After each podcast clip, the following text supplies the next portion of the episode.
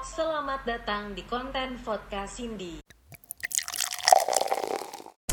Oke, hai, welcome to konten podcast ini. By the way, ini adalah video podcast pertama gue karena biasanya KFC bisa didengarnya di eh, Spotify atau Anchor. Dan teman ngobrol gue hari ini, tada, Aston Utan. Yang belum tahu, Aston Utan ini eh, co-founder dari Common Grounds Coffee and Roastery. Lu tuh pengen dikenal sebagai apa sih, Ton? Ada yang gitu gak sih kayak specifically kayak lu tuh pengen dikenal sebagai apa gitu? I don't know. Gue lebih gue lebih fokus di apa ya? Coffee professional, I guess. Menurut gue gitu. Oh, I don't know. Gitu. Eh, by the way, congratulations ya. Oh, thank you. Yeah. Bentar lagi jadi Desember, yes. Desember. Oh, sekarang udah berapa bulan berarti? Uh, five months. Oh, oke. Quarantine, baby. Gimana namanya Covida? Jangan dong. Ko David ya. Eh, Cowok. Um, not sure yet. Uh, we will know soon. though. Oh. Yeah. Gimana lu punya hobi baru gak sih selama pandemi? Atau Definitely hobi nggak sepedaan. Definitely nggak apa tuh uh, tanaman. Ah, enggak. Uh, so no, I, I like sneakers. I collect sneakers, ya Ah. kan? Uh, that's one of my hobbies. Um, and then coffee. I think so far that's it sih buat gua. Hmm, Kenapa lu suka sneakers? Lo kalau mutusin beli sneakers tuh lebih kayak karena lo suka brandnya kah? Atau karena limitednya kah? Atau apa?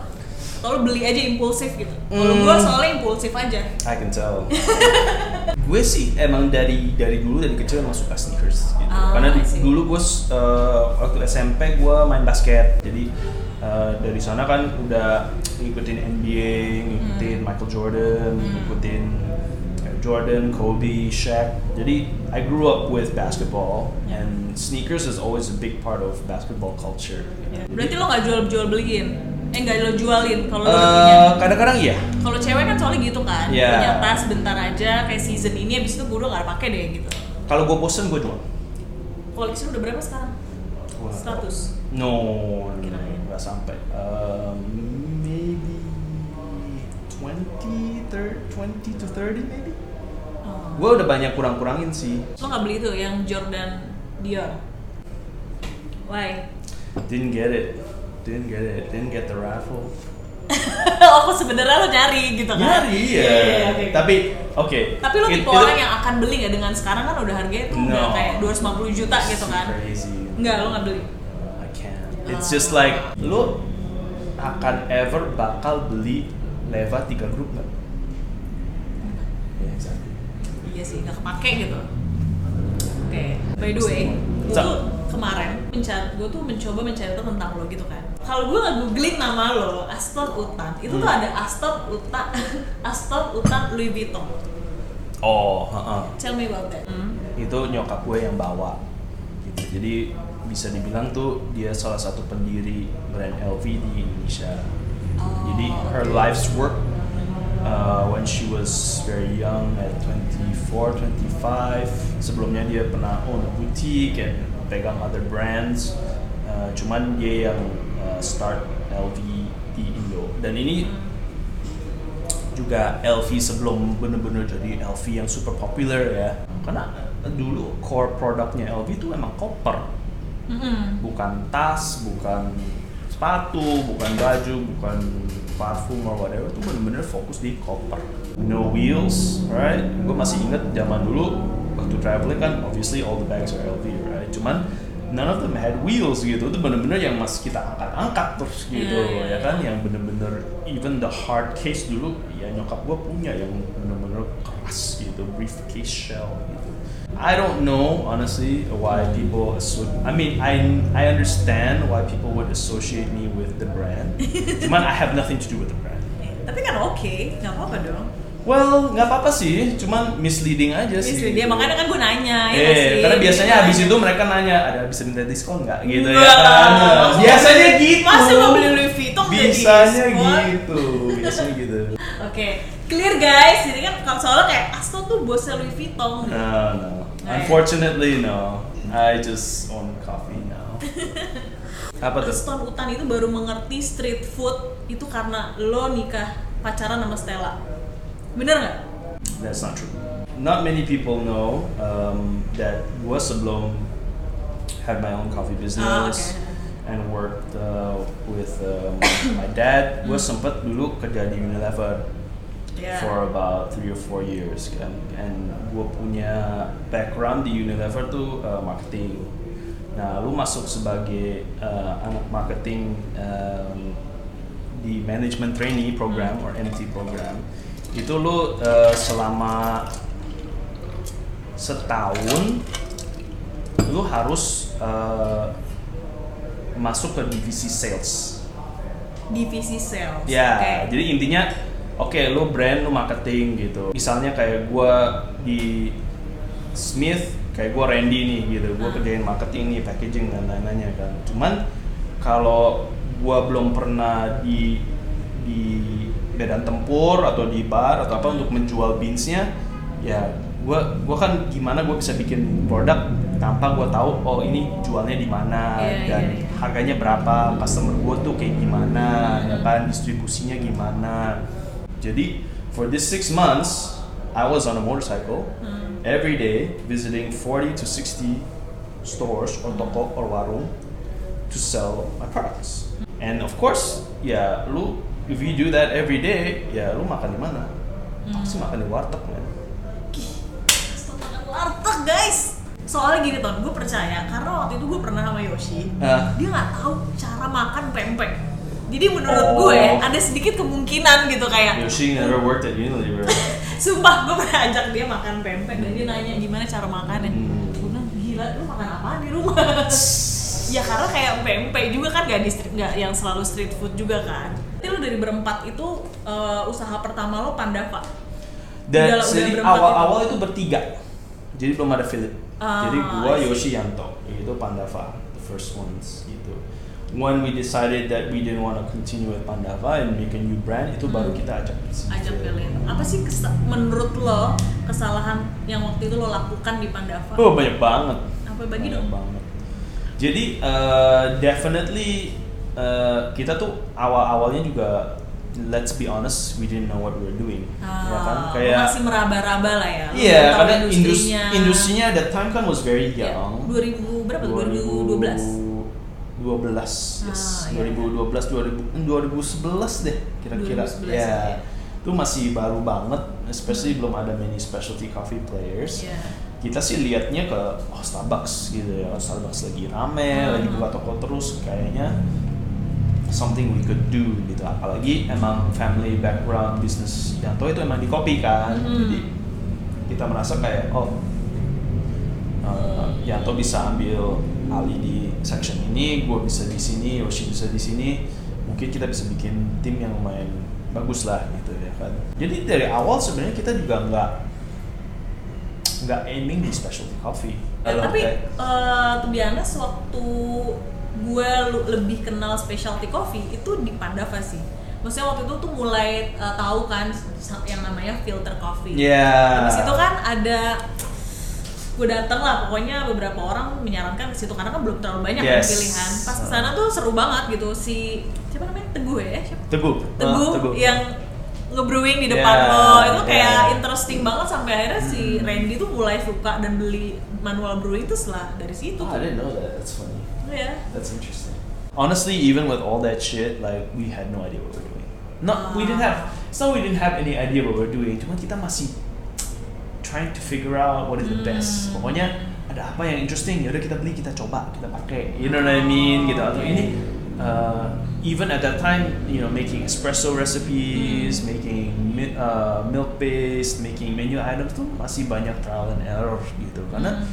ya back then, lu mau lihat ke siapa? Iya sih. Dan wasn't tempatnya pun many. lo punya atau emang lo kenapa ada di epicentrum gitu? Nah, at that time, di epicentrum juga we number one is not a lot of landlords Huh. ya yang in the mall. And because at that time mall kan lagi lagi skyrocketing kan Mhm. Masih everybody went to the mall none of them didn't really want to give us a chance karena kita brand baru Iya, iya. ya karena kita brand baru siapa Ah, lu gitu. konsep lu apa Iya, iya. gitu lu kira-kira brand lu apa dan lain-lainnya kan masih bener-bener gak jelas gitu Hmm. nah kebetulan at that time eh, ada salah satu eh, teman kita kakaknya tuh eh, kerja di mall management epicentrum Ah, berapa tahun sih waktu itu Pandava? Dua tahun? Uh, about three Oh, three. Ya. Oke, itu langsung ganti switch ke common ground. Uh, not really. Jadi the first two years we're sort of learning and Hmm. benar-benar mm, trial and error, trying to figure out apa sih yang we're doing right or doing wrong, ya kan, as well as learning about coffee at the same time. Karena awalnya kita benar-benar juga blind lah ya gitu. We knew we wanted this type of cappuccino, these types of menu, but we didn't know, you know, what was really the the specialty coffee standard of doing something gitu. Uh, it wasn't until about the beginning of year three we realized kayak oh if karena our uh, our lease atau kita punya masa sewa cuma tiga tahun gitu. jadi Hmm. di awal tiga tahun ketiga kayak oh kita akhir tahun ini kita mau perpanjang nggak gitu karena kalau perpanjang ya kita harus mulai mikir gitu Hmm.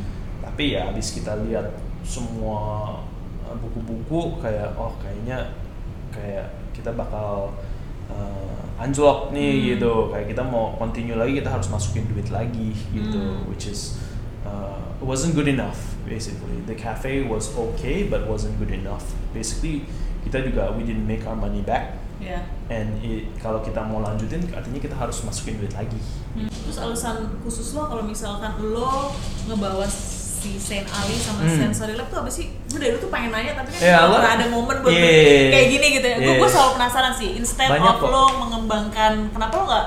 Mungkin kan lo invest lumayan lah ya. ya Mungkin lo bisa buka tiga toko lagi, empat toko Ya, baru ya. dengan nama Common Ground. Kenapa pada saat itu waktu itu umur Common Ground kayak baru dua tahun deh, ya nggak sih? yes baru dua tahun gitu Yes. masih masih muda terus lo langsung bawa brand gede gitu which is Yeah. lo punya tanggung jawab yang cukup gede- besar kenapa Yes, sih? uh, that's a good story. Jadi at that time kita sempat dikenalin oleh uh, dari Henry ke Ross, Hmm. ya kan? Karena fellow judges, Hmm. ya kan? Kenalin ke Ross. Henry juga pernah suggest kayak eh uh, Saint Ali berapa tahun terakhir tuh uh, pernah pop up lo in different places around the world gitu. Ah. Gitu. Siapa tahu mungkin mereka mau pop up di Jakarta gitu. Terus at that time gue juga ngomong ya why not gitu let's let's talk if kalau lu bisa kenalin gue ke Ross ya kita bisa mulai ngomong dan Oh. dia kenalin kita kenalin gue tanya ngobrol sama Ross gue tanya uh, Saint Ali open nggak gitu Hmm. terus Ross uh, ngomong sama bosnya Salvatore right which is now my partner nah baru kita diajak kenalan. Jadi gua sama uh, Yanto kenalan sama uh, Sal and that time Matt too. Hmm. and baru dari sana gua dari dulu sampai sekarang uh, my relationship with Salvatore is very good. Apa ya? Ya tipe orang yang ngeklik aja. And of course kita ngobrol soal pop upnya kita kenalan terus ya udah pop up ya let's pop up gitu Hmm. jadi enam bulan sampai tujuh bulan setelah Melbourne itu kita ada yang pop up Oh.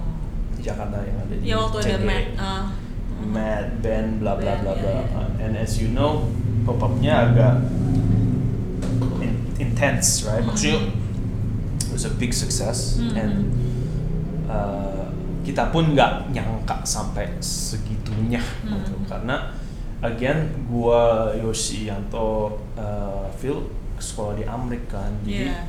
uh, kita juga bingung kok banyak orang lo banyak banget orang segitu Indo- taunya kalau se-impact itu mereka waktu ada di sini gitu Bener. Ah, oke.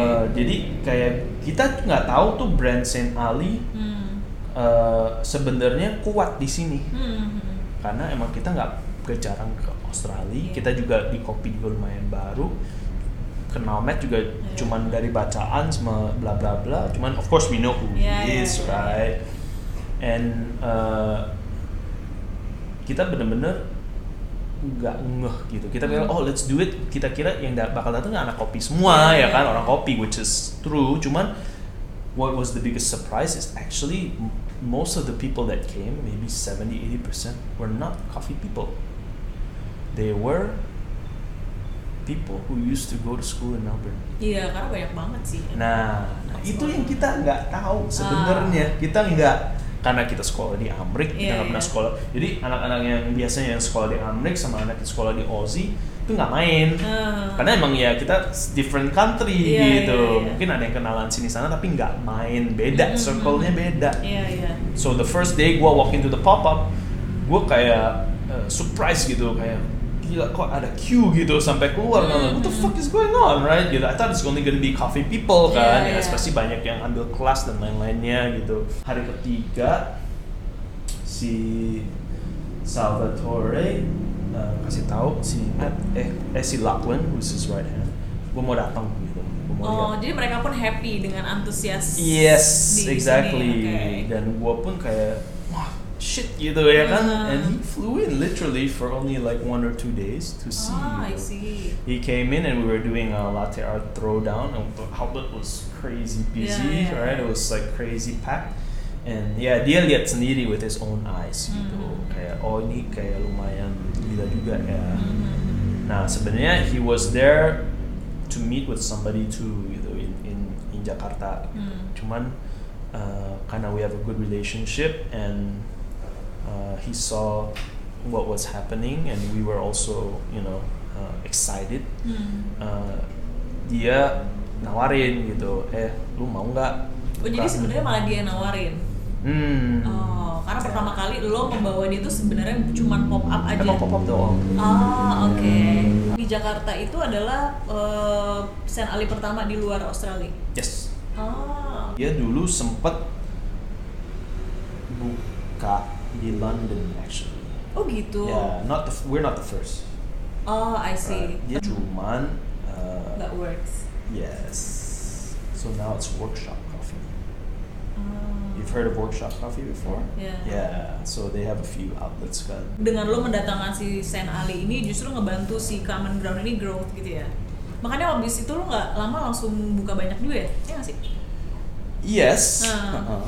Cuman that that's not a direct impact dari partnership with Saint Ali, but the partnership with Saint Ali itu lebih ke internal kita, knowledge driven. Bisa dibilang lo spend money buat belajar nih. Man, Yes. ya kan? Yes. Iya, iya. And it, it is uh, those things kadang-kadang priceless. Iya sih. Kadang-kadang very priceless. Jadi the Hmm. time you spend to do trial and error on something, which is a lot of time yang we spent doing in Pandava, Ah, sama Saint Ali it's like kayak intinya kayak oh lo harus ambil ujian gitu ya kan. Hmm. Tapi this time gue beli aja the answers sama somebody. Iya, iya. iya. Bener juga sih. I mean it's kind of like cheating, Yeah, yeah, yeah. right? But it that's what happens. Tapi sebuah keharusan gak sih buat bawa sensory lab juga? Itu beda kan sebenarnya di sana pun beda kan? Yes. gitu. Apakah itu akhirnya jadi ketika lo udah ngelihat impactnya Sen Ali bagus, terus habis itu lo coba bawa sensory lab atau itu udah emang di dalam perjanjian emang harus satu kesatuan gitu? Uh, at that time sih uh, dia offer. Oke. dia offer Ah. dia bilang uh, ini kan gua ada dua brand gitu. Uh, lu mau yang ini atau yang ini gitu and uh, atau dua-duanya gitu and at that time we thought oh might as well dua-duanya deh gitu Hmm. anyways kita mau build a good relationship cuman obviously as you know brandnya Saint Ali sama Sensory Lab tuh uh, beda gitu ya kan Hmm. Saint Ali karena udah lama ya udah lebih dari 10 tahun ya pasti lebih established gitu. Hmm. while Sensory Lab tuh is like maybe five years old gitu and very much like Starbucks takeaway coffee type of business Iya. uh, while Saint Ali tuh bener-bener you know kitchen and Hmm. everything tuh complete banget gitu so obviously they've apa ya ya pasti Sensory di sana impactnya nggak ada kitchen ya kan? nggak ada Nggak ada kan? Nggak ada. Oh, coffee only kan? yes jadi yang sensory sama yang CG tuh agak head to head a bit gitu. So we haven't Ah. figured out a way to how do we make it look different? And obviously people don't know the brand as well as they know Saint Ali Hmm. Kalau lo harus merekomendasikan dari sisi customer, lo lebih suruh orang datang ke Common Ground, Saint Ali apa Sensory Lab? Bukan karena lo yang punya ya, Uh, eh, Common Ground gitu bukan, tapi kayak eh, kalau lo harus merekomendasikan salah satu dari tiga yang lo punya itu, lo akan suruh dia ke mana dan kenapa? That's a good question. Uh, sebenarnya tergantung dari customernya sendiri. Hmm. Kayak eh, kalau kalau Saint Ali itu kita bener-bener coba bikin seautentik mungkin Hmm. seperti Saint Ali di Melbourne. Iya. Sebenarnya emang Saint Ali itu bisa dibilang lebih cocok buat lidah orang expat, Oke. ya kan? Karena emang dia nggak terlalu manis atau Hmm. nggak terlalu eh, ya I'm talking about the food ya manis atau dia nggak terlalu eh, asin atau asem dia tuh lebih ingredient focus. Hmm. While Common Grounds sama Sensor Lab kita bikin menunya agak mirip, which is uh, lebih kayak classic menus yang emang lebih cocok ke lidah orang kita. Hmm. Coffee wise it should be pretty much the same. Hmm. Gue not much difference. Cuman kalau misalkan mau yang lebih fit ke lidah Indonesia ya lo ke Common Ground gitu ya. Ya, ya, ya, ya, ya. Ini Sebenarnya nggak dijawab sih. Tergantung Enggak nggak coba quick quick lo lo lebih ke gue deh ke gue. Tergantung lu lagi pengen apa. Gue gue nggak ada gue nggak ada. Kalau gue ya, kalau gue kalau gue gini, oke let's say Iya.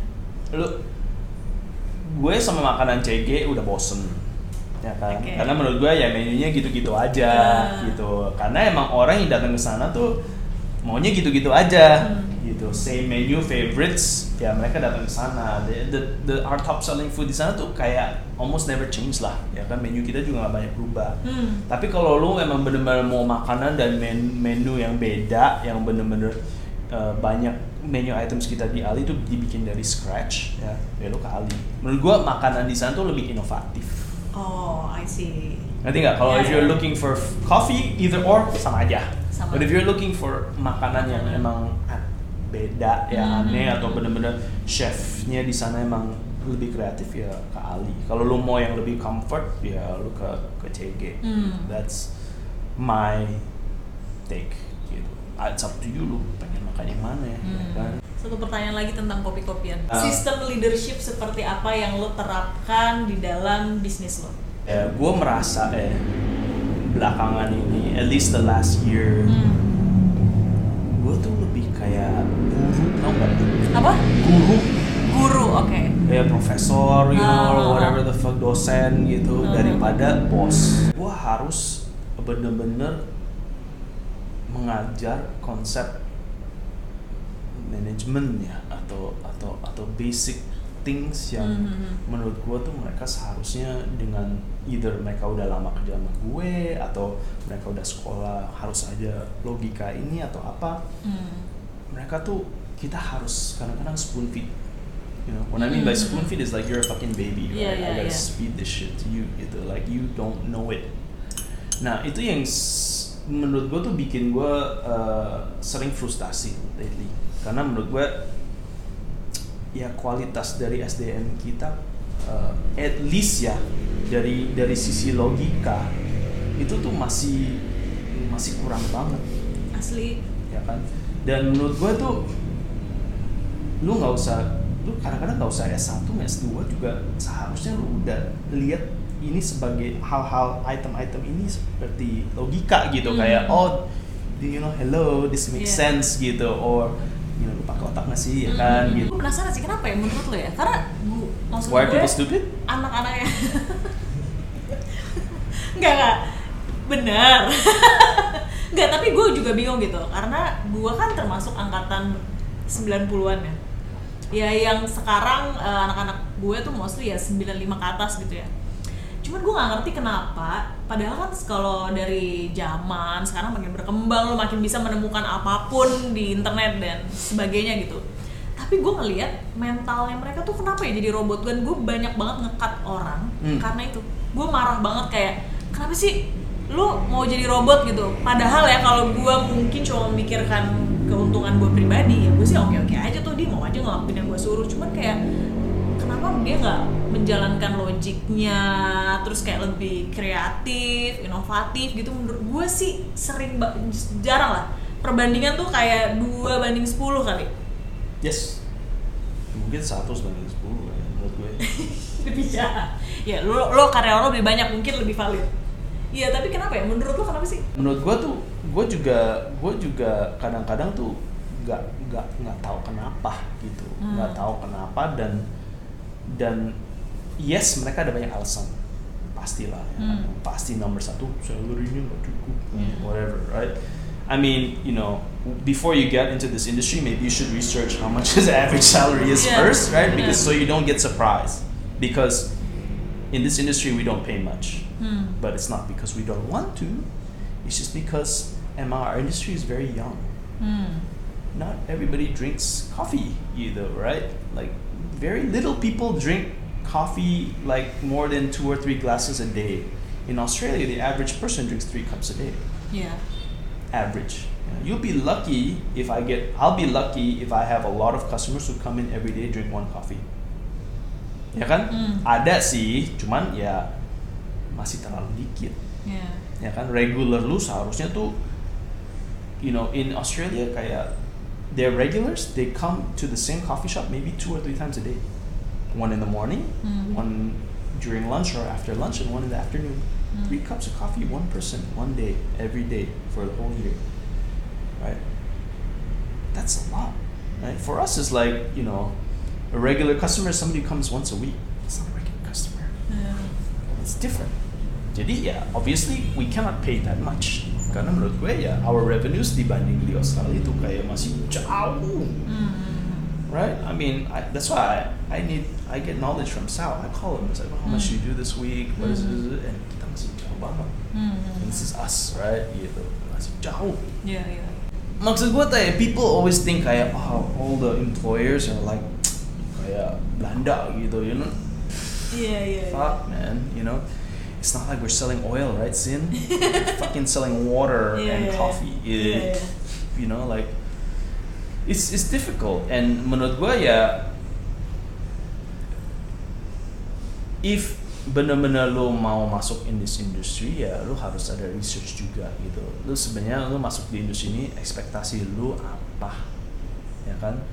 Jangan like we we often talk about before jangan lihat ke idola-idola kopi that's a huge misconception Iya. you and I get this problem all the time right Hmm. ya like kita pasti nanya lu ngapain mau lu lu mau di industri kopi eh, jadi siapa atau ngapain or di lima tahun ke depan mau jadi mau jadi kayak Aga Hmm. mau jadi kayak Miki mau Hmm. jadi kayak Yoshi Atau kayak ngapain eh, ngelamar di CG, di Smith, mau ikut kompetisi gitu. Itu lu jawaban lu apa tuh anak yang lu interview jawab eh, jawabnya kayak gitu. Gue sih bilang oh yeah you'll have a chance Hmm. but you have to work for us for one year first and then you have to go through internal competition Tapi jadi kesulitan gak sih kan buat lo? Lo kan banyak banget ya menerbitkan berbagai bintang kopi gitu, Oh. champion-champion kopi. Terus kan abis, abis lo udah mengikuti mengikutkan mereka nih Hmm. eh, di kompetisi, terus mereka udah dapat eh, posisi dan sebagainya gitu.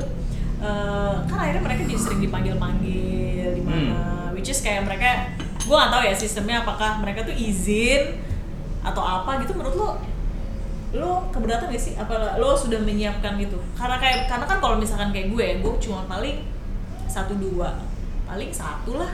Kalaupun dia tiba-tiba jadi bintang gitu ya. Kalau lo kan kayak masif gitu. Bintang. maksud gue kayak lo masif gitu. Kayak lo dalam satu angkatan tiba-tiba ada Ovi ada ada Evelyn ada Robby gitu. Kan semuanya terkenal lah di di Belum komunitas pernah menang kayaknya Iya tapi kan dia udah sering banget dipanggil-panggil di mana-mana gitu Oh, kan ngerti nggak oh, maksud iya. gue itu jadi kendala gak sih buat lo? enggak Lo lo nggak apa-apa mereka? yeah because we get commission Hmm. Oke. yeah Jadi kalau mereka ngambil kerjaan di luar tuh, we get commission that's part of our contract oh. Tapi mereka ambil pas jam kerja enggak? Eh, biasanya sih kita eh, enggak PH gitu ya?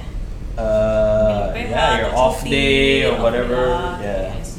Yeah, we don't even do PH Cengli lah, cengli lah. Oh lo nggak ada PH? because we do five days of work, two days holiday. Ah, I see. Yeah, we don't do six and one. Oke. Gue sekarang punya pertanyaan random buat lo. Nah ini gue catat nih. Aston Utan, ketakutan terbesar lo apa? Tarantula. Gue sebenarnya expect kayak apa gitu. You seen the motherfuckers? Oke. Lo, lo pernah nonton nggak dulu ada film horor Iya, satu gue. yang laba-laba gitu, yang tarantula yang bisa gitu. gue waktu kecil nonton itu di rumah temen gue gue bisa tidur anjing Gak, gue sampai gue sekarang takut pun, miskin ya. gitu loh gue gue expect lu jawab kayak gitu Ah, kan enggak tuh gampang gue pernah jualan di pasar man don't worry I can sell anything gitu.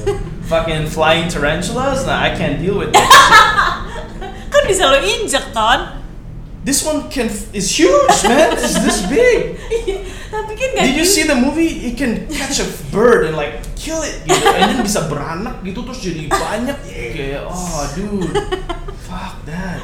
They're using fucking spider nest. Iya, iya, iya. Oh, fuck. Kayak they had to kill it with a crossbow yang flaming baru kayak on fire. Oh I can't do, I can't deal with that man. Oke. Dude, kalau lo ngelihat diri lo 10 tahun ke depan lo kayak gimana lo bakal jadi apa 10 tahun ke depan I'm still doing the same shit. I think coffee. serius I don't know if uh, I, you know I'm still common grounds or managing shops or marketing or or or I don't know in what Mm. capacity. Either it's I'm assuming still common grounds, but even if it isn't with my own personal shop, you know maybe I'll be the second home Jason. Who knows? Right? bener juga sih Right. boleh boleh boleh I don't know, right? uh, so I don't know, but I mean, I think definitely still in coffee. Um, I love coffee. I, I love the product. Um, I love the ideals in which we stand for. Mm. Um, menurut gue, uh, our job, yeah, whether it's a barista, a business owner, a Mm. coffee professional, we have a very honorable job menurut gue. Karena our job sebenarnya, uh, if you look bener-bener ngikutin dari awal dari message-nya, it's always going back to the farm. We are a small player in this, ya kan? Cuman we have a role to play. eh lu pernah ke kebun ya sih gue kayaknya gak pernah liat lo ke kebun ya Yes. pernah ya Yes, a long time ago though. Not, not when I was really into coffee yet. oh just kind of random. awal-awal Yeah, oh oke kind of random. And menurut gue, uh, it wasn't a good picture yet. Hmm. Gitu. Um, tapi menurut gue, ya, I've met a lot of different farmers, Hmm. right? Whether it's a, you know, like the very poor, very innovative. Uh, from here, from Latin America, rich farmers I've met as well, right? High end ones. Jadi, uh, ya menurut gua comparing our farmers and farmers of yang yang udah at the very uh, well known estates of Hmm. coffee, ya kan tuh kayak mereka punya social economic standing tuh beda banget. Hmm. ya kan? Hmm. gitu. Beda banget gitu. Kayak hampir langit dan bumi gitu. Dan menurut gue ya kalau misalnya one day kita our farmers bisa at least tengahnya dari ini gitu I think Hmm. we've done our job well right? Um, but a lot of that you know it is also very important karena we're a coffee producing country. Hmm. let's not forget that is very important. Ya kan coffee producing country means that we don't stand just for uh, our own brand or our own industry in the retail tapi also in terms of the the farm level Then menurut gue uh, it'll help our overall country if we Hmm. help our overall industry ya kan gitu Mhm. exporting kayak whether it's exporting or whether it's uh, kita lebih banyak konsumsi kopi secara Hmm. uh, locally. All of those things basically will help down to the farm level. And I'm not expecting change to happen overnight. Cuman ya you know we are thinking about this ya kan? Every supposed to be every specialty coffee company that's in for the right reasons is thinking about this. Mhm. either ya priority satu atau priority 10 tapi ada di list ngerti nggak lo karena secara direct atau indirect ya kita ada kontribusi Hmm. ke our own national coffee production Ya berarti lo sekarang tuh usahanya cuma kopi aja ya? Apa lo Iya. punya usaha lain selain kopi? no just coffee Oh, sih. Uh, gue masih suka bantu bokap tapi most of my time is definitely in coffee Oh, oke. tapi ya menurut gue tuh ya gue nggak ada uh, emang gue beruntung in the fact that for me it's not life and death Hmm. ya kan cuman I it is a choice for me then how much time and effort yang gue mau spend in this business and this industry ya kan karena ya I have many choices gue bisa do A B or C Ya. but I'm lucky enough to say, oh, I want to do A because I'm passionate about this industry. I'm mm. passionate about the values. I'm passionate about the people. I'm passionate about the product. Yeah, I'm gonna spend all of my time and some of my money and a lot of my education to invest into a brand that hopefully can grow and help the industry, the coffee industry business gitu. That that itu tuh my my apa ya my my motivation gitu. So my hmm. motivation is not based on survival or based on how much money I can make. It's just based on you know what kind of what is the best way I can build a brand that can contribute some way somehow to the coffee industry as a whole in our country. Our true enemy is not each other. Our true enemy is the second wave Hmm. gitu, right?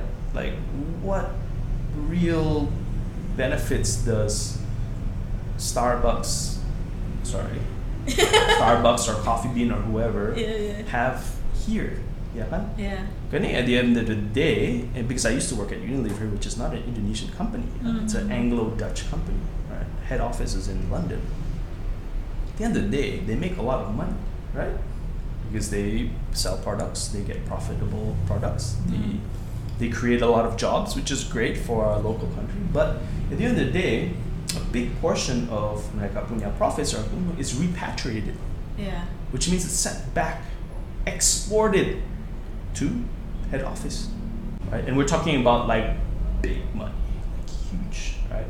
Iya. I mean, yes, we have Saint Ali, yes, we send profits back, but it's like it's minuscule compared to to these guys. And we're talking about a macro view, not a micro view. Jadi secara macro, yeah, yes, Starbucks had, creates a lot of jobs, right, and creates a lot of value, and they keep opening stores, it's good for the economy, but a lot of the profits are repatriated. Tapi menurut gue sih udah lumayan sih. Udah udah lebih growing lah. Ya lo bisa lihat sekarang Starbucks bahkan kayak udah jual eh coffee Botolan. brown sugar yang waktu tuku lagi terkenal banget kan dia ngikutin terus habis itu jual harga 20.000 ribu gitu ya menurut gue itu salah satu kayak oh, dia sudah mulai merasa terancam dengan industri lokal ya sih Oh iya, di Ya, ya, di Amrik juga sama. Iya, Kayak iya. di Amrik tuh, they see specialty growing, right? Mhm. Udah buka apa tuh the the reserve. Iya. And if you ever been to a reserve, Iya, iya. it's ridiculous, man. It is the amount of millions of dollars they put in one of those stores. Mhm. It's like crazy. We have to have a strong sense of responsibility on how we're gonna develop their future iya. because they're you know if those type of people that are working for you yang bener-bener cuma part time or cuma kayak cuma nyoba-nyoba gitu emang those people ya they're not you don't have to worry about them you don't have to care about them. But it's people who spend their life you know with your mission and your brand and your people and part of your culture. Yeah those are the people you have to take care of and look f- like ke depan their future tuh bakal kayak gimana. Hmm. you know, I was talking to Gaban too, like, you know, our industry, especially the last few years, specialty ya, yang menurut gue itu growth-nya nggak sekenceng the first like 2015 sampai 17 atau 18 ya. Iya. Yeah, we've seen a stagnation ya menurut gua. Tuh. Kayak ya orangnya gitu-gitu aja, nggak nothing much has, Iya sih. changed. Iya kenapa ya? Orangnya Nah. gitu aja ya. Ya kan? Iya sih.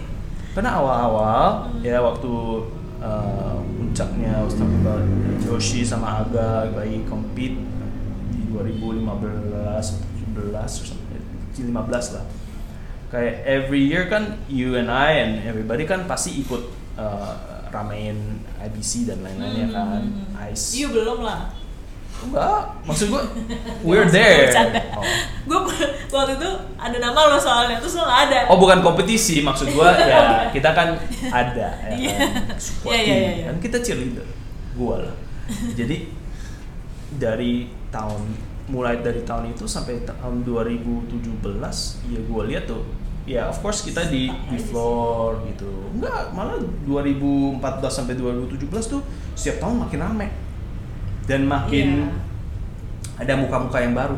Gua nggak ngomong kompetisi ya, Cin. Hmm. Gua ngomong kayak Iya sih. yang datang ke kon- fair kita Iya iya iya. ya kan kayak wah banyak orang rame new faces Yeah. kayak orang excited to know the industry orang excited to involve orang excited to look for a new job Hmm. orang excited to open a new cafe banyak gitu tapi gue lihat ya belakangan dari 2018 sampai sekarang setiap kali kita ada kompetisi ya sama-sama gitu aja orang-orangnya nggak Hmm. ada muka-muka baru jarang lah dikit gitu Yang datang juga sama gitu aja yang gitu. kompetisi ya oke kompetisi juga yang sama gitu Iya, aja sama. tapi in addition kayak yang datang yang Iya. bener-bener entus entusiasnya gue gue juga energinya beda Iya. you know what I mean kayak nggak se like you can you can feel energy in the air like when your cafe is busy and when it's not you can feel the energy Yeah, right? yeah, yeah. the noise level something about it but you can feel it. Now in competition in ice the past few years it's been the same. And it's been very yeah, gitu-gitu aja gitu. Nothing exciting nothing new. See the same people. Mm. it's fine seeing the same people. There's no problem. I like seeing the same people. But you you, you want to be able to see that your industry is Iya iya iya. thriving ya maksudnya there's excitement Yeah. right while nowadays yeah, it's ya menurut gue itu it's been stagnant for the past few years and that is can be a, a problem gitu. I'm not saying yes let's have more competitors that's not a that's always a good thing in my opinion karena more competitors makes us better Iya. makes us have to survive better to innovate better Iya. right? But if we have less and less, ya kita makin lama makin complacent. Maksudnya kayak, ah, udahlah gitu ya kan. There's nobody, there's nobody behind me. So, yeah, I don't know. We we are at a crossroads, and COVID is showing true colors too. Perlulah kita kan lagi banyak waktu, perlulah kita melakukan itu ya nggak sih? Why not? Iya kan? Yeah. I mean, if we can get everybody Yeah. on the same page, ya menurut gua, Kalau kemarin kan belum terlalu belum terlalu dalam, cuman akhirnya di dalam grup itu kan udah terlalu banyak orang, ya nggak sih? Oh ya, Ya maksud pasti. gue kan sebenarnya pada awalnya di grup itu kan Yeah. niatnya kan sebenarnya ke depannya gitu kan, Yeah. yang tadi lo omongin gitu. Uh-uh. Mungkin we can start with small, Ya, uh, dikit-dikit terus pelan-pelan udah mulai ini ada lagi, ada lagi, ada lagi. Ya, ya menurut gua, I think Tapi kan menurut interesting idea. asosiasi akan segitunya berpengaruh ketika misalkan kita kan sebenarnya melakukan itu kan tapi dalam inner circle yang kayak kenal-kenal aja gue pun sering kayak berapa kali nanya Yoshi hal-hal yang gue gue kan nggak ngerti bisnis sama sekali gitu gue ngeraba aja gue tiba nanya Omar gue tiba-tiba tanya Ya, Tio ya, gitu menurut lo ketika memang itu dilakukan secara formal in asosiasi gitu Hmm. menurut lo itu works I don't know. keharapan lo yang tadi I hope so. At the end of the day, uh, gua merasa uh, semua orang prinsipalnya pasti agak beda ya. Yeah. Cuman kalau kita bisa agree, you know, at least the founding members prinsip kita itu apa dari limit sama boundaries dan lain-lainnya. Hmm. ya mungkin kita bisa lihat dari spirit itu Hmm. gitu. jangan jangan lebih jangan kurang ya kan kalau kita bisa agree di itu ya ya kita lihat di itu aja gitu kayak istilahnya kayak pancasila gitu ya namanya ya udah that is the founding father punya rule maybe over time kita bisa change through vote and democracy or whatever that's fine Hmm. ya tapi kita ada ada ada mission and vision lah istilahnya gitu. The best thing that I like is misalnya you know we agree on on a few industry standard things yang we want to happen. Yeah. Not everybody's gonna follow. Cuman at least if most of the people follow, then we can we can take a commanding voice uh, in terms of let's say you know uh, the rights of the staff or the pay grade. You know what I Mhm. mean? Like oh okay, let's say let's this let's agree and decide together that uh, a starting barista position with no experience pay grade range-nya di segini sampai segini. Hmm. You know what I mean? Yeah. Jadi everybody itu has a level playing field more or less. Then everybody itu ada ada say. Whether people follow it or not sih, it's up it's up to them lah, ya kan. Tapi at least kita ada develop a certain standard yang menurut kita make sense as a business. Secara financials kita bisa agree to become a successful coffee shop. Kita harus ada kayak misalnya re- re- uh, sales kita, omset kita berapa persen, dari berapa persen uh, salary berapa, Yeah. rental berapa, ini berapa, ini berapa gitu. Ya every coffee shop pasti akan vary kan. Cuman at least kita bisa kasih guideline. Jadi semua owners juga oh okay, if I'm doing better than that great. If I'm not doing better at that then why? Then Hmm. why it's not good. You know, kadang-kadang sometimes we just need a friend to talk to in Yeah. terms of hey, you know, how's your business going, right? Hey, are you doing this like this? Like just like COVID kan, pasti I get calls left and Yeah, right yeah, like, yeah. hey, lu bayar nggak? Oh, lu ini nggak? Lu ini nggak? Ya kan gitu. At least kita ada some sort of transparency tanpa harus kayak kasih contoh yang real. Iya, iya. Tapi itu kan bisa main presentasi, bisa main SOP kayak itu harus main apa. Hmm. You know, a lot of people juga kadang-kadang they also don't know kayak lu bikin recipe costing untuk cappuccino lah berapa orang pernah nanya you that kan Hmm. gitu and menurut gue ya sebenarnya itu harusnya secara universal kurang lebih udah tahu Iya. gitu itu ada bisnis modelnya Iya. cuman karena orang kita oh, mungkin kita agak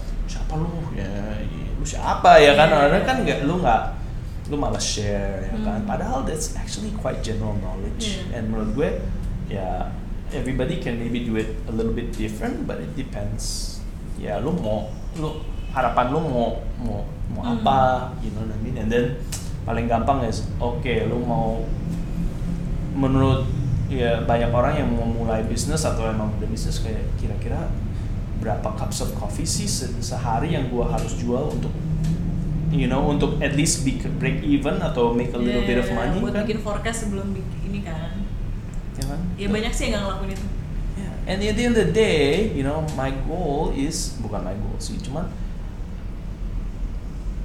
I think this type of thing uh, is much more effective and much more honest than hiring a coffee consultant. hmm. I fucking hate coffee consultants. sebenarnya gue mau nanya itu juga iya iya iya bener. Karena sebenarnya sebenarnya sih fine sih menurut gue ton. Karena kayak di kitchen gitu kan sebenarnya ada juga kan. Hmm. eh menurut gue yang bikin itu jadi jelek coffee consultant ya. Karena banyak yang versi gadungan sih menurut gue yes. Iya kan, maksudnya kadang ada yang datang cuman dari dia up dia pernah kerja di cafe A doang, dia di barista terus habis itu dia nggak tahu apa sih uh, exactly coffee consultant. Dia cuman kayak oh coffee consultant ya gue bantuin ngeset bar beli beli mesin dan sebagainya. Ya karena gue ini gue ikutin aja cafe yang sebelumnya. Padahal kan kalau kita kita hitung lo seatnya berapa? Lo gunainnya sekian grup karena lo udah hitung seatingnya lo udah hitung forecast tadi udah bikin gitu kan perencanaan bisnis model. Ya mereka nggak ngelakuin itu. Mereka cuman kayak ya udah lo sediain meja segini panjangnya segini. Kalau menurut gue saat ini coffee consultant lebih arahnya kayak situ sih bahkan mereka nggak mikirin kayak workflow Yep. Iya kan? Yep. Sedangkan kan sebenarnya itu sangat diperlukan gitu. Yep. Ketika seat lo di sini, workflow-nya begini, course, yeah. menu lo segini, berarti kayak gini ya nggak? Ya nggak sih? Yeah. Ya. Tapi mereka akhirnya tidak melakukan itu karena mereka nggak ngerti apa itu sebenarnya. Ya, ya menurut ya buat lu sih emang ya gue ngerti and your example sih menurut gue ya coffee consultant yang cemeng-cemeng. gitu. Iya, Tapi iya. yang heavyweight heavyweight, as you know, it is much bigger than that, Hmm. right? Like yang gue nggak suka tuh like eh, lu dikasih harapan palsu. Iya.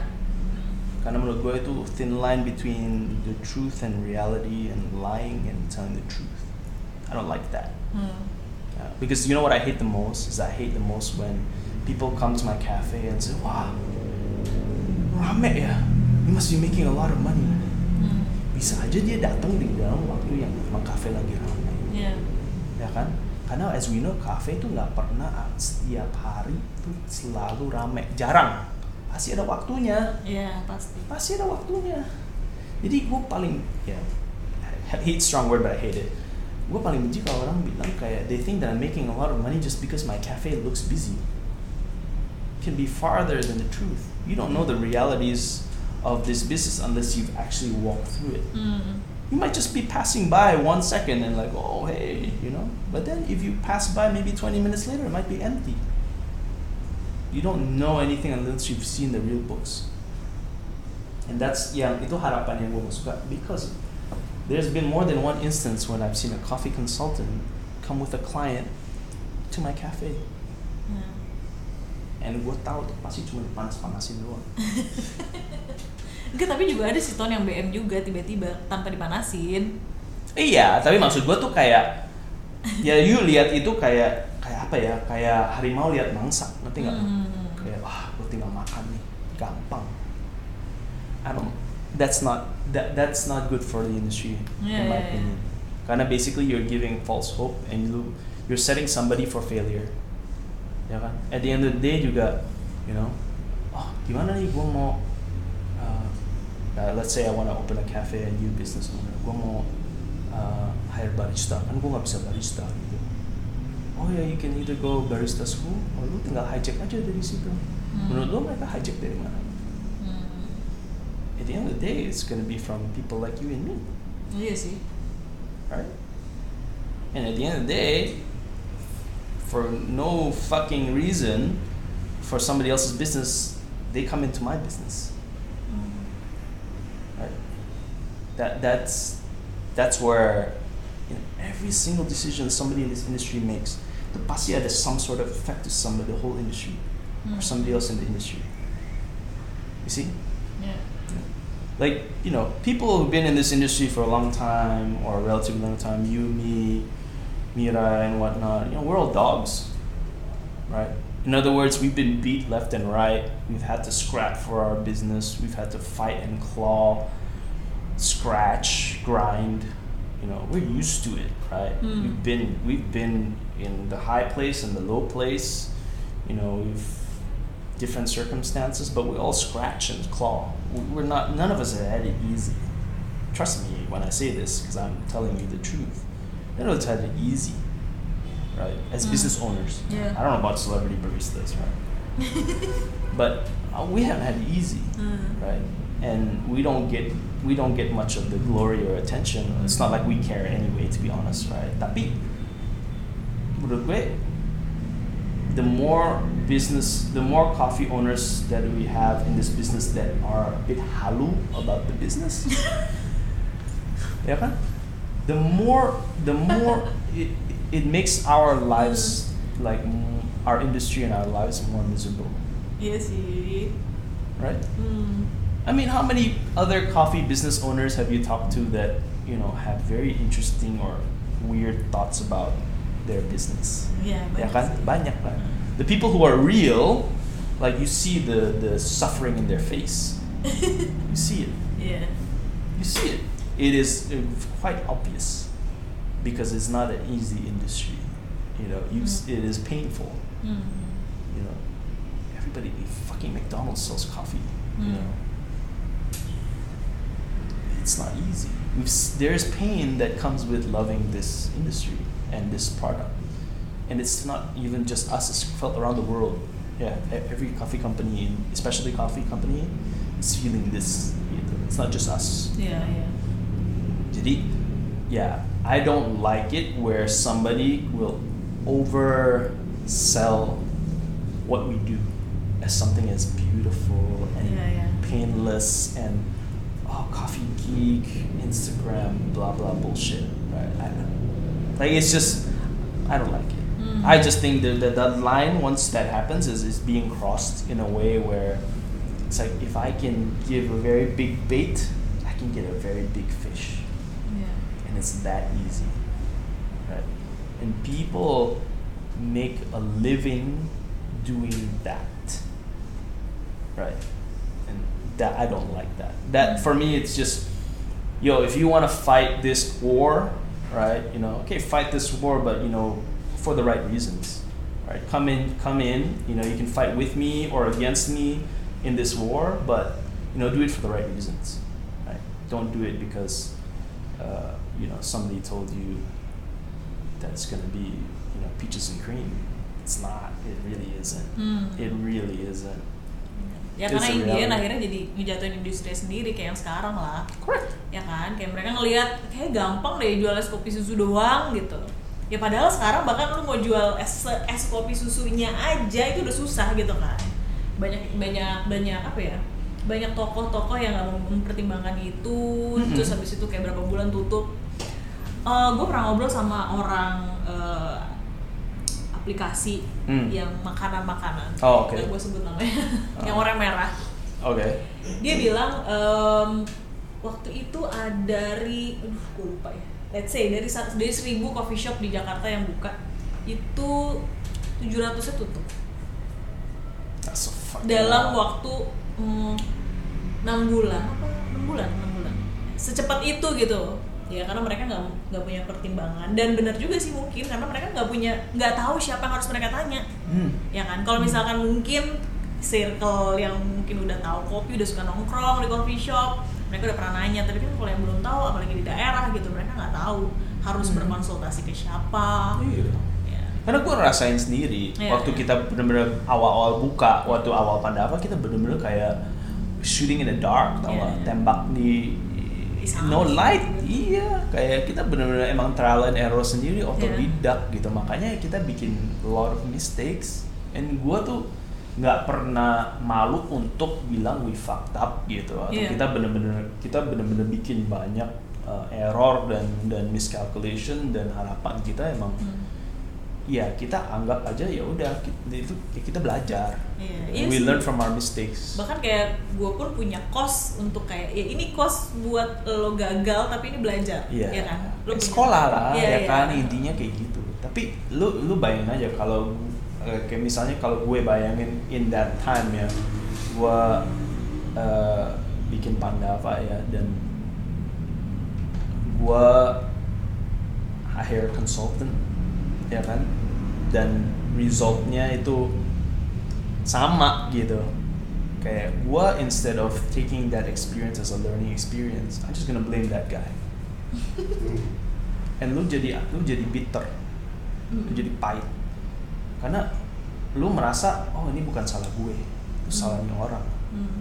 yang emang menjual konsep atau ide ini atau suruh gue kayak gini oke gitu. Hmm. jadi secara sendiri mental gue tuh makin rapuh weak. Iya sih. Kalau gue do it by myself and I fucked up by myself itu buat gue membangun. Tapi kalau orang lain yang yang yang I put my trust di orang lain and ya emang nggak work out ya gue bisa segampang kayak oh itu salah I failed because of this person not because of myself. Jadi accountability-nya tuh jadi nggak ada. Hmm. gue I did the right things kok. Gue bayar gede buat konsultan ini dia terkenal gitu ya kan. Gue gue masa you know kayak gue yang salah ya kan? Orang dia udah kasih tau gue ini ini ini. You see what I mean? Yeah. I rather people fucking do it autodidact and fail themselves rather than you hire somebody and you Mm. think and that person is not doing it like not giving you the right advice or the proper advice or reality advice. And, Lu boleh and you fuck up. no please. Karena dalam terus terus ya karena lo Yeah. you I'm sure you experience the same things. Hmm. you Randy and Aga ya you pasti juga banyak things learning from your first coffee shop ya kan? Pasti banyak gitu right? And you make a lot of mistakes you make you know a lot of these instances ya emang this is part of your growth. Ya kan yeah you can it sucks it's painful it's bitter but you learn together and you learn because you did it yourself. And those things yeah emang it makes you stronger actually you know Yes. what I mean? Yeah I mean at the end of the day you look back and you're like I'm actually kind of glad that happened because if that didn't happen I wouldn't be where I am today. That's why you see a lot of young people today it's so easy for them to fail to give up iya iya secara mental ya Hmm. mereka bisa ngelakuin instan soalnya Yeah. And it's easy for them to always blame something else, right? If you think, like you said, instant culture, right? You see Mm. everything on Instagram, Yeah. it's only a certain side or story yang that whoever the, who you are following itu Mm. yang mau show. There's not, there's a lot of other instances yang realities yang sebenarnya mereka nggak share. Jadi it's a, a warped reality, right? Yeah, like that's not reality, man. That's not the real life. That's not real world. Like it's, that's just like a movie, right? and it's like you're watching a fairy tale every single day. Mm. Your life, 14 hours, 8 hours a day. It's, Mm. you know, it's it's you know, like if it's a personal account, you know, like yours or mine, that we don't do it for money or endorsement or whatever it is, you know, like you know, and we film like all the good and bad parts of our life. Yeah, fine, fine, I, you know what I mean. But if it's people who emang are there for a specific business Hmm. or, or personal gain atau apa, then yeah, obviously, you know, there, there you, you have to be aware. Lu harus aware that this person that's not their real life gitu. At least I don't think so ya gitu. Who knows? But all of these things, yeah, that's what makes our current like our this generation that's currently working with us or for us too.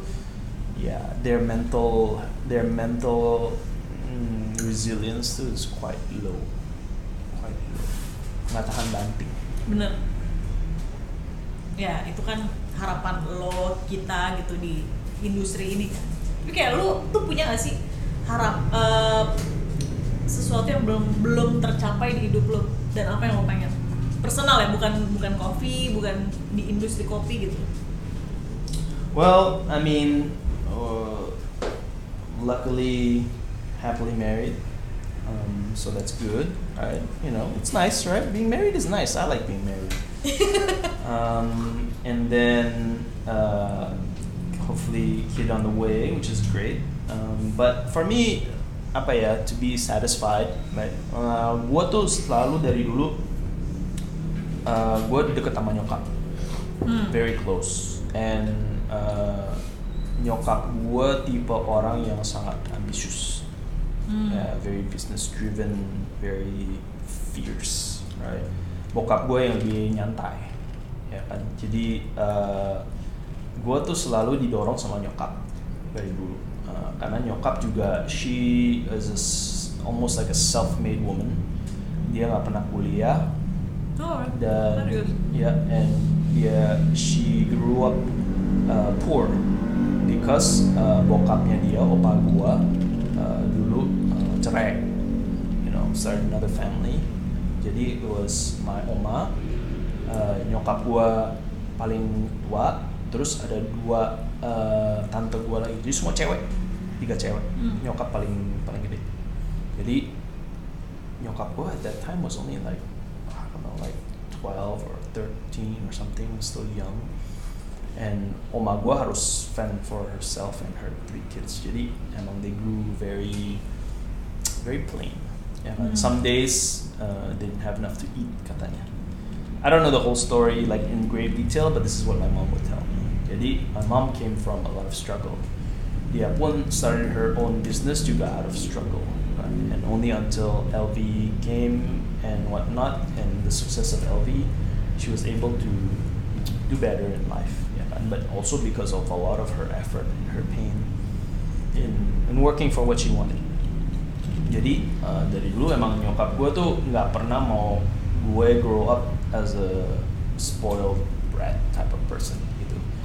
Not saying that she didn't provide for me tapi kayak ya secukupnya aja gitu. Nggak sampai you know rich kids of Beverly Hills type of thing you know. What I mean?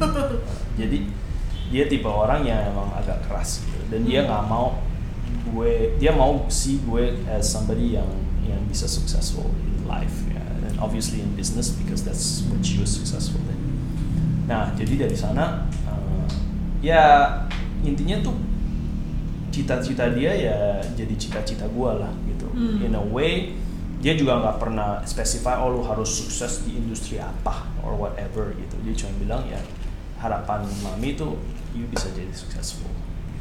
And karena nyokap gue ambitious and always hungry ya for success ya dia nggak pernah kasih definisi juga. Jadi I'm almost never satisfied with what I've done and the only thing that I feel that gue pernah gue bisa merasa satisfied is kayak ya very plain and simple your parents punya approval.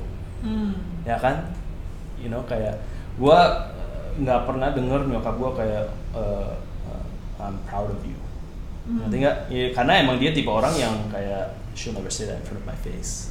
Sama sih. Karena menurut gua menurut dia tuh potensi gua tuh selalu lebih besar lebih besar besar besar jadi ya itu selalu something yang gua selalu searching for Hmm. and unfortunately also because my mom passed away suddenly I don't think I'll ever get it you understand Mhm. jadi my my I'm driven by my own need my my own desire to make my parents proud Hmm. but the parents that I'm looking for approval from I will not find in this lifetime anymore Hmm. maybe in another right Hmm. so that's that's basically what drives me and what gets me out of bed every day Yeah. uh, she left me with much more than I could ever need Hmm. but I don't I mean that's great it's nice Mm. I'm happy for it I'm, I'm very thankful grateful but it's not my driving force you know? Like it's not my sole desire. You know Mm. kayak the inside you know like we're not talking about materialistic or bank accounts or deposito or whatever or property you know we're talking about like this you know? Like what makes you satisfied inside of your soul? That's that's a type of thing satisfaction that you can't buy right? You have Yeah. to pay for it with your time and your effort and your work. Um, that's the motivation that I have to be Mm. successful uh, Mm. in whatever I think that I do, and I've picked this industry as what I want to be successful in, and that's what drives me. Yeah, Mm. and yeah, I don't know. Yeah, maksudnya, yeah, I will never know now Yeah. because you know we, sh- they're not with us anymore, Yeah. right? But we can only hope, and we can only maybe picture, right? But uh, and I'm sure you know this, but once you've lost a parent, especially one that you're very close with, Hmm. uh, there's something that is taken away from you that you will never ever get back again. Yeah. And once you've gotten past the mourning phase, kayak lo kayak sedih dan lain-lainnya, Hmm. tapi tetap aja there's something that is always gone and lost that you will never find again, and nothing will ever replace it. Hmm. Ya kan? But you know, at the end of the day, you know, ever since you- you're a baby, like learning how to walk, you've always wanted your parents' approval.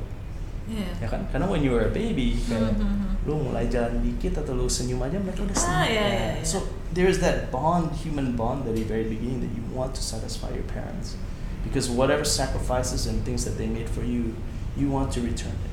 That is human connection, give and Mm. take. So my ultimate level of that is, you know, being able to reciprocate, Hmm. because so much has been given to me Yeah. and I'm lucky. But I don't necessarily feel that I deserve it. I don't feel that just because I'm somebody's son means that I deserve all these things. Like, Who am Mm. I? Gitu. I'm just lucky. But in my appreciation towards this luck, ya gue harus bisa show her that gue juga bisa loh, gitu. Yeah, Like, gue yeah. juga bisa sehebat mami or even better than, than Mhm. you. Karena ya for me that is hopefully one day whenever that is that I meet her again kayak gue bisa yeah hopefully hear that she'll say she'll she's proud of me Hmm. It- you know it's it's weird sedih tuh gue juga jadi sedih deh but I think you know what I mean kita gitu topik Hmm. ya ya. padahal nextnya sedih lagi gue jadi kayak gue baru nanya nextnya titik terendah di hidup lo apa ya udah Udah tahu iya kan? iya iya iya ya. sekarang gue juga ngerasain sih yeah I know Ap- waktu itu pas lo udah buka juga ya lo udah buka ya udah udah ya kan kalau gue Udah. waktu itu pas lagi gue kayak lagi pengennya merasakan kayak lihat nih gue buka sesuatu Hmm. kayak approval dari itu gue Yeah. gue gue justru di momen itu gitu jadi kayak ya gue tahu lah Eh, gue pas at that time juga pas sebelum gue mau buka Saint Ali sih hmm. it just happened. So, I mean, Saint Ali wasn't something like, hey, look, right, for me, but it was, it was, uh, it was a, in a point in my life that it changed a lot of things for me. And after that happened, yeah, I was working nonstop for years because I needed a distraction, and I invested myself even further and deeper Hmm. which is good in a way but bad in a way. So in a Hmm. way where you know sometimes nggak bisa dapat closure, nggak bisa apa ya kayak you know you need to you can only talk about this thing to somebody who's experienced the same thing. Iya. Y- If you talk it to if you talk about this issue to somebody yang belum pernah lost a parent, especially the young age, Hmm. and suddenly they won't understand. You can't. Iya. Even if I was to talk to somebody who recently lost their parent, I have Mhm. staff recently like that. I can't talk to them too. I'm just saying, I'm here for you. I know what you're going through. And there's no words that you can explain that will make you feel better. Iya. I hate it when people are like, especially when my mom passed away, tabah ya, blah blah blah. You know, I'm like, dude, that there's nothing for me. I mean, you know, like, you know, people say, oh, deepest condolences, yeah. Hmm. What happened? How did she die? You know, I hate that. You know what I mean? You- Yeah. I hate that. I'm like, oh, is it contagious or whatever? I was like, dude, get the fuck out of here. like, you know, I'm mourning, right? You Yeah. know, like, you know, ask somebody else. Iya. And you know, sometimes you just want to be left alone. Benar. You need to process. Hmm. Processing that loss is nggak bisa cepet Hmm. dan butuh waktu yang lama dan emang, like I said, you will never get over it. Ya kan? It's just one day you have to sort of make peace with it. And sometimes that's a year, two years, three years, five years, ten years, twenty years. We don't know. Iya. Yeah. Jadi melo tot. But it is right? Yeah, yeah, because yeah. like you're talking to somebody who, who went Yeah, through yeah. a similar experience. This is how I talk to people who have the same experience because you understand without having to say words. It's just a, a bond that we share, and people like us that have lost a parent, I would say at still a young age and maybe quickly or, or Mhm. suddenly tragically. Yeah, it's a bond that we share that nobody, you, you, only you and I would, un- only people who've gone through it can understand it and it triggers something inside of us yeah let's not pretend it doesn't either. We've changed because of it in different ways that we cannot explain. And that's why for me itu kayak after that happened like I my appreciation for time has changed. Ah. right? Like what where I spend my time who I spend my time with itu has changed a lot. And that's why gue bener-bener harus start to think about the people who are spending time with me Hmm. right who are giving me their time. Iya. I find that that's more important now. Daripada dulu where it's more like oh lu mau gaji berapa gitu oh gue Yeah. harus gaji berapa gitu. I, I don't really look at that anymore. Like yes it's important but my number one thing now is loyalty gitu. Like if people show me loyalty like how do I show loyalty back? Because it's time that's being is- uh, an, an issue rather than a transaction. Transaction is easy. If you're just here for the money as long as you work ya udahlah. Okay and I think it's a fair pay. We fair pay. Ya udah gitu. But I don't have an emotional connection or, or loyalty to you gitu. Yeah you want to quit one day? Okay bye gitu. Hmm. thanks. See ya. Right? Yeah. it's not ya udah I wish you well. No hard feelings. But it's people who you know that benar-benar will spend their time and commit themselves to you and you can tell. You know you can tell. Then those are the people that you need to be able to reciprocate your, your, your time with as well that's where I find there's a big responsibility that's what bothers me nowadays is Mm. like how do I figure out with these people how you know who've given a lot of their time Mm. for me how do I make sure that at least mereka punya standard of living tuh oke lah gitu ya Mm. ke depannya I feel like if that I had don't solve that tuh gue nggak bisa live with myself in the next few years or the next 10 years kayak apa ya ya gue merasa kayak nggak enak aja kayak Iya. yeah. you know what I mean? Kayak it- because it's more than transaction now kan. People been with you for a long time. Eh. Ya kan kayak yang you already know some of your staff tuh udah kayak family, right? Like you can't. It's not like that. Kan ada sama ada yang nggak bisa lu kontrol juga tau maksud Of gue. course. Maksud gue kadang kalau lu ngelihat anak-anak sekarang bahkan nggak usah deh ngomongin rumah, Yes. mereka nggak biasa saving, Yes. ya kan?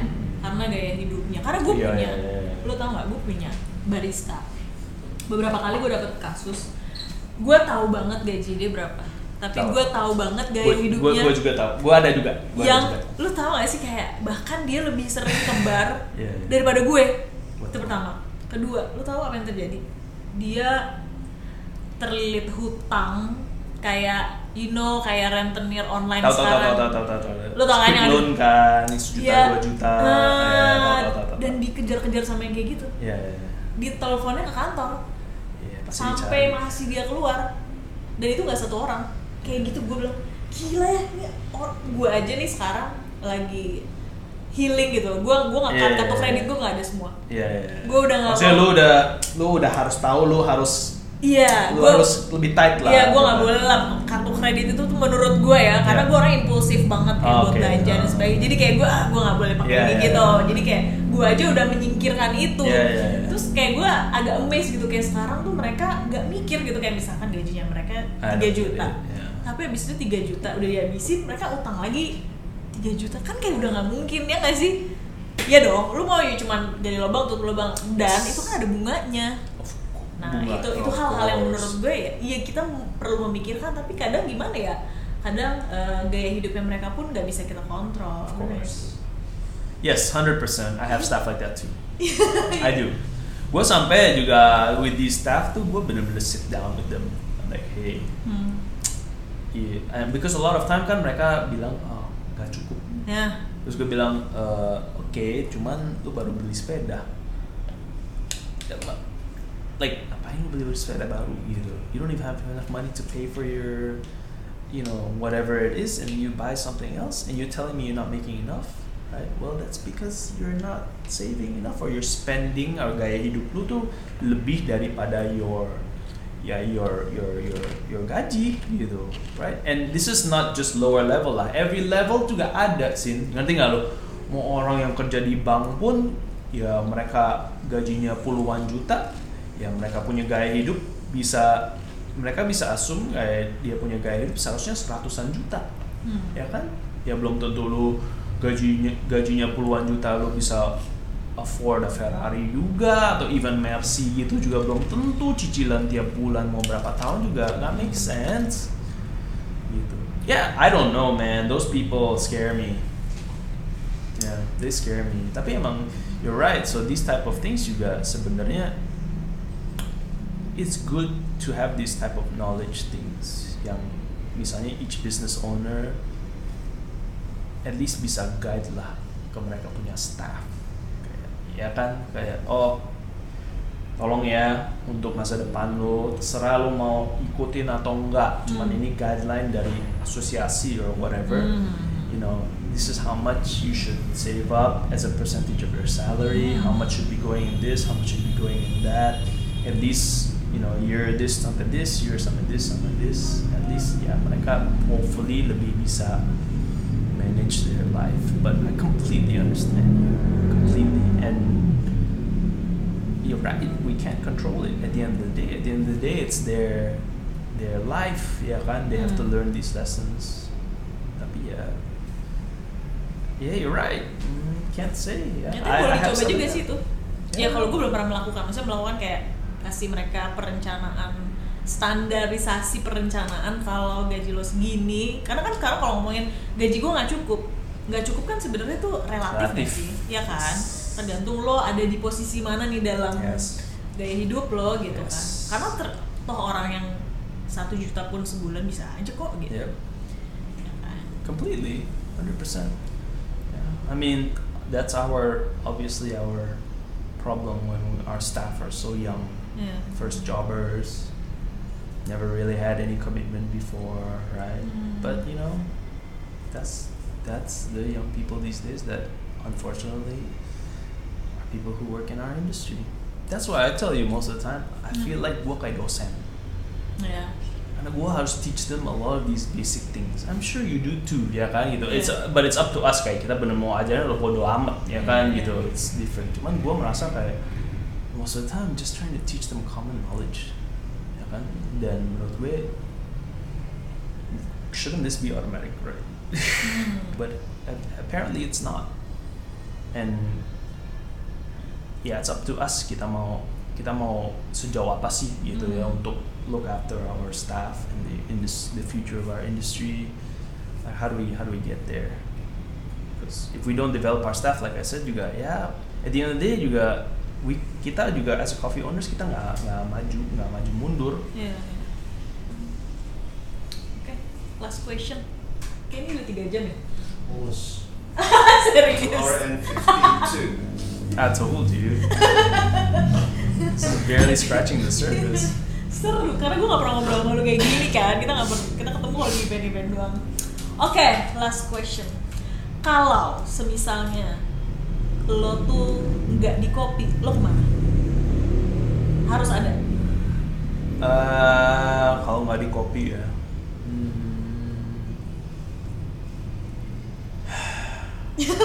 Berat banget Berat sih. Gue sih Ya, dari Karena dari tadi lu ngomong kan kopi, kopi, kopi Iya, Terus gua cinta itu lo dengan kopi Yeah, unfortunately.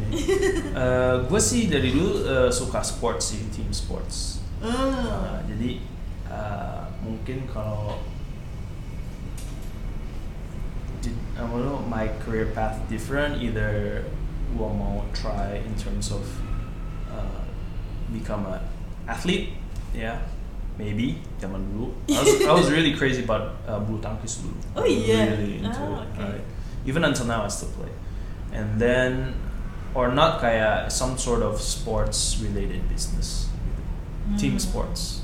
I have, I I love team sports. I don't know why. Uh, all sorts, you know, from. I don't play all team sports, but I love the spirit of team sports. Ah, I, I like okay. teamwork. I like strategy. All of those things uh, I enjoy very much. But in terms of you know intinya kayak bener-bener di di bisnis apa di dalam bidang itu sih gue I don't know yet. I, I don't really know. I haven't really thought about it. Iya, iya, iya. But I wish there would be something I would do. Or like one of those things kayak kayak lu kalau dari kecil tanya kayak "Eh, apa tuh lu kalau kita udah dewasa mau jadi Jadi apa gitu. Gue sih dari dulu ya gue dokter, dokter anak tapi. Oh, Iya. udah fuckboy ya dari dulu Lu? Hah, kok nanya balik? Iya kenapa nggak boleh? Boleh dong. Gue ya? I'm sure dari awal you you you Yeah. you were, coffee wasn't your number one choice, right? Teater sih Cool. Yeah, Oke, thank you Tom Appreciate Udah it. waktunya Yeah, it was fun. Thank you. Kapan lagi coba ngobrol sama ini sama lo ya? Uh, next time, no problem.